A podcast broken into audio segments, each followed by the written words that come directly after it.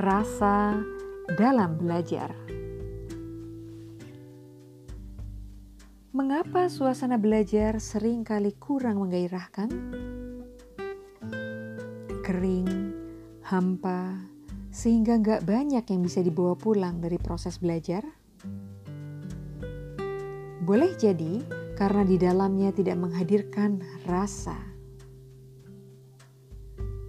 Lalu mengapa rasa ini penting? Apa makna dari sebuah rasa? Dan rasa apa yang mampu mengubah proses belajar jadi menggairahkan?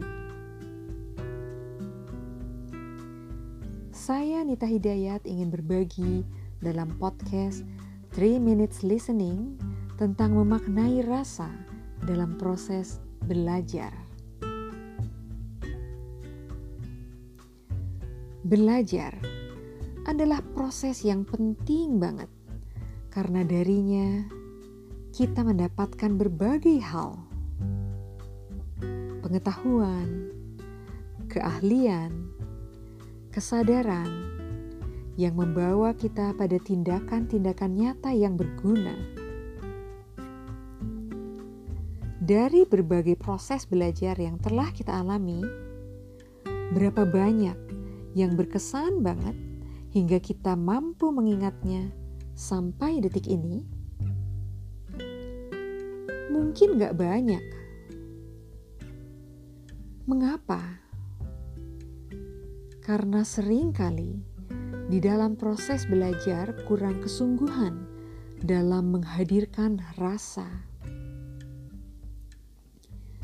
Padahal dengan hadirnya sebuah rasa yang pas, tik, dan asik akan menghadirkan hal-hal penting berikutnya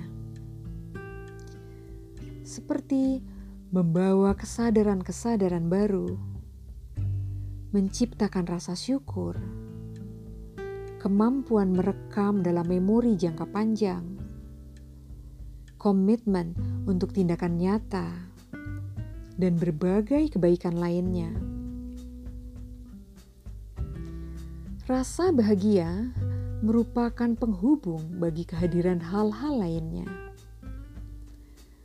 Dengannya akan tercipta rasa terkoneksi, rasa aman, percaya, dan kesinambungan.